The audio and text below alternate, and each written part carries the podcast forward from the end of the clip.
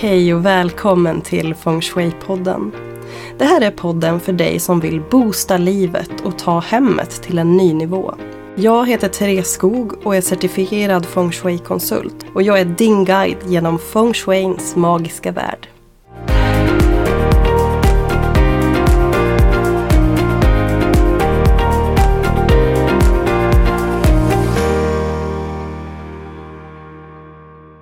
Hej fina fina du och välkommen till Feng Shui-podden. Jag har flera gånger blivit ombedd att göra ett poddavsnitt där jag pratar lite grann om Feng Shui i köket. Så nu mina vänner, här kommer det äntligen. Att förbättra din Feng Shui handlar om att göra så gott du kan av det du har. Och se till att skapa ett kök som du trivs i utifrån dina förutsättningar.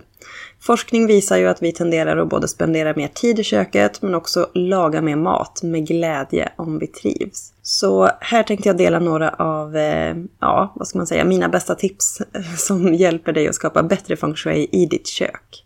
Inom feng shui så pratar man om någonting som kallas för kraftposition. Och kraftposition det är när du kan stå, sitta eller ligga och ändå ha uppsikt över rummets dörrar och fönster. Kraftposition hjälper hjärnan att slappna av för det finns inga hot bakom ryggen. Och här tänker jag att våran hjärna har ju inte utvecklat sig överdrivet mycket på ganska många tusen år jämfört med allt i vår omgivning som faktiskt är annorlunda. Så att tänk när vi bodde i grottor. Då var vi tvungna att ha grottväggen bakom ryggen för att inte bli uppätna i sömnen. Eller det hjälper oss att slappna av helt enkelt. Och optimalt i ett kök är ju att ha till exempel en spis och kanske diskhon så att du ser ingångarna till köket. Om du inte har möjlighet att utforma köket så att du står i kraftposition så kan du till exempel jobba med en spegel framför så att du ändå har lite uppsikt över vad som händer bakom ryggen på dig när du står och diskar eller när du står och lagar mat. Eh, här har Movi Design Interiör lagt upp en bild från Victorias kök som visar hur hon har jobbat med en spegel i köket. Och en spegel är ju både en energihöjare och ett bra stöd när du står i kraftposition och för att ha lite koll på vad som händer bakom ryggen. Jag tänker att jag ska lägga upp den bilden, jag ska länka till den på Instagram i stories. Så om du spanar under dagen så lägger jag upp det där. En annan sak att tänka på i kök är hörn. Vassa utstickande hörn skapar någonting som man kallar inom feng shui sha-shi. Och det är alltså vass energi. Man pratar om, tänk dig osynliga pilar som skjuts ut från de här hörnen. Och i köket så har vi ofta ganska mycket kantiga former med alla skåpsluckor, det är bänkskivor, fönster, dörröppningar, kanske fyrkantiga bord. Och då kan det vara väldigt trevligt att ha rundade hörn på till exempel bänkskivorna eller på ett, ha kanske ett matbord som är runt eller ovalt eller att det bara har lite rundade hörn. För är det bara lite rundat så tar det udden av den här vassa energin och det gör inte riktigt lika ont att slå i höften när du går förbi bänken till exempel. Och det skapar också en, en bra balans och bidra med den här mjukheten som kanske saknas många gånger i ett kök. För ett kök är ju ett yang-rum, alltså ett aktivt rum där det händer mycket, det är mycket energi. Och kantiga former höjer energin medan den rundade formen bidrar med lugnet. Så vi behöver ju den balansen.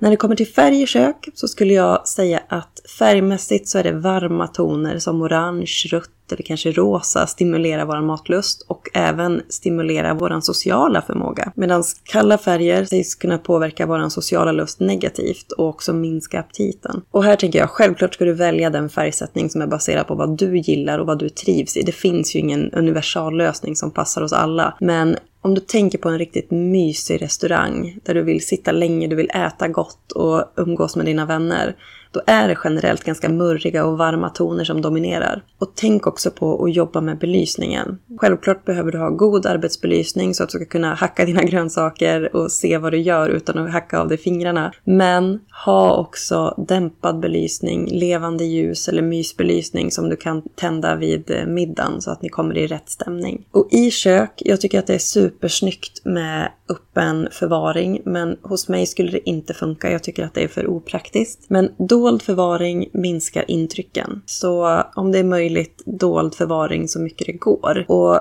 använd dig gärna av korgar i skåpen och sortera dina skafferivaror och så i kategorier så att du har dina bakingredienser tillsammans och kanske matlagnings, alltså kryddor och kryddpåsar och sånt där samlat. För då kan du plocka fram hela lådan när du behöver ha någonting av det istället för att ha en massa lösa burkar ståendes på hyllan. Och när du tar fram de här lådorna så får du också överblick över vad du har så att det inte hamnar någon burk längst in i skåpet eller längst bak i lådan så, så att du glömmer vad du har. Du ser ju varje gång du tar fram lådan så ser du vad du har i lådan. Och för dig som följer mig på Instagram så la jag ju precis precis ut ett inlägg där jag rensar mitt skafferi. Och som ni ser så använder inte jag mig av lådor i skafferiet. Och det är för att jag har så konstiga mått. Jag har inte hittat någon låda som har passat den. Men i köksskåp så använder jag vita lådor som jag har eh, kaffe och te i. Jag har en låda där som vi har snacks i. Och en låda med våran sons eh, saker. Alltså tandborstar, tandkräm, eh, febertermometer. Allt sånt där som är till honom, det lägger jag i den lådan.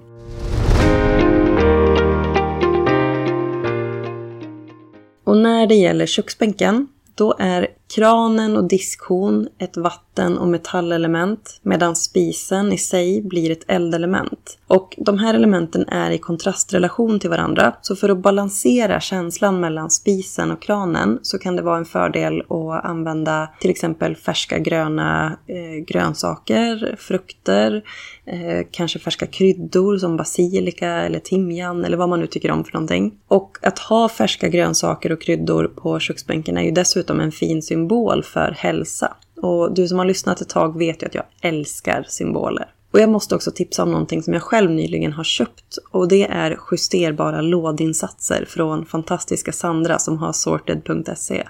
De här lådinsatserna, i och med att de är justerbara, så gör att det passar lådor med flera olika djup. Om jag inte minns helt fel så är det typ från 46 cm djup till 56 eller 57 cm. Eh, och de går ju lika bra att ha i kökslådorna som eh, underklädeslådan eller leksakslådan, vad vet jag. Men med det här sagt så vill jag också slå ytterligare ett slag för fantastiska Härjedals kök och deras Härjedalsmetod.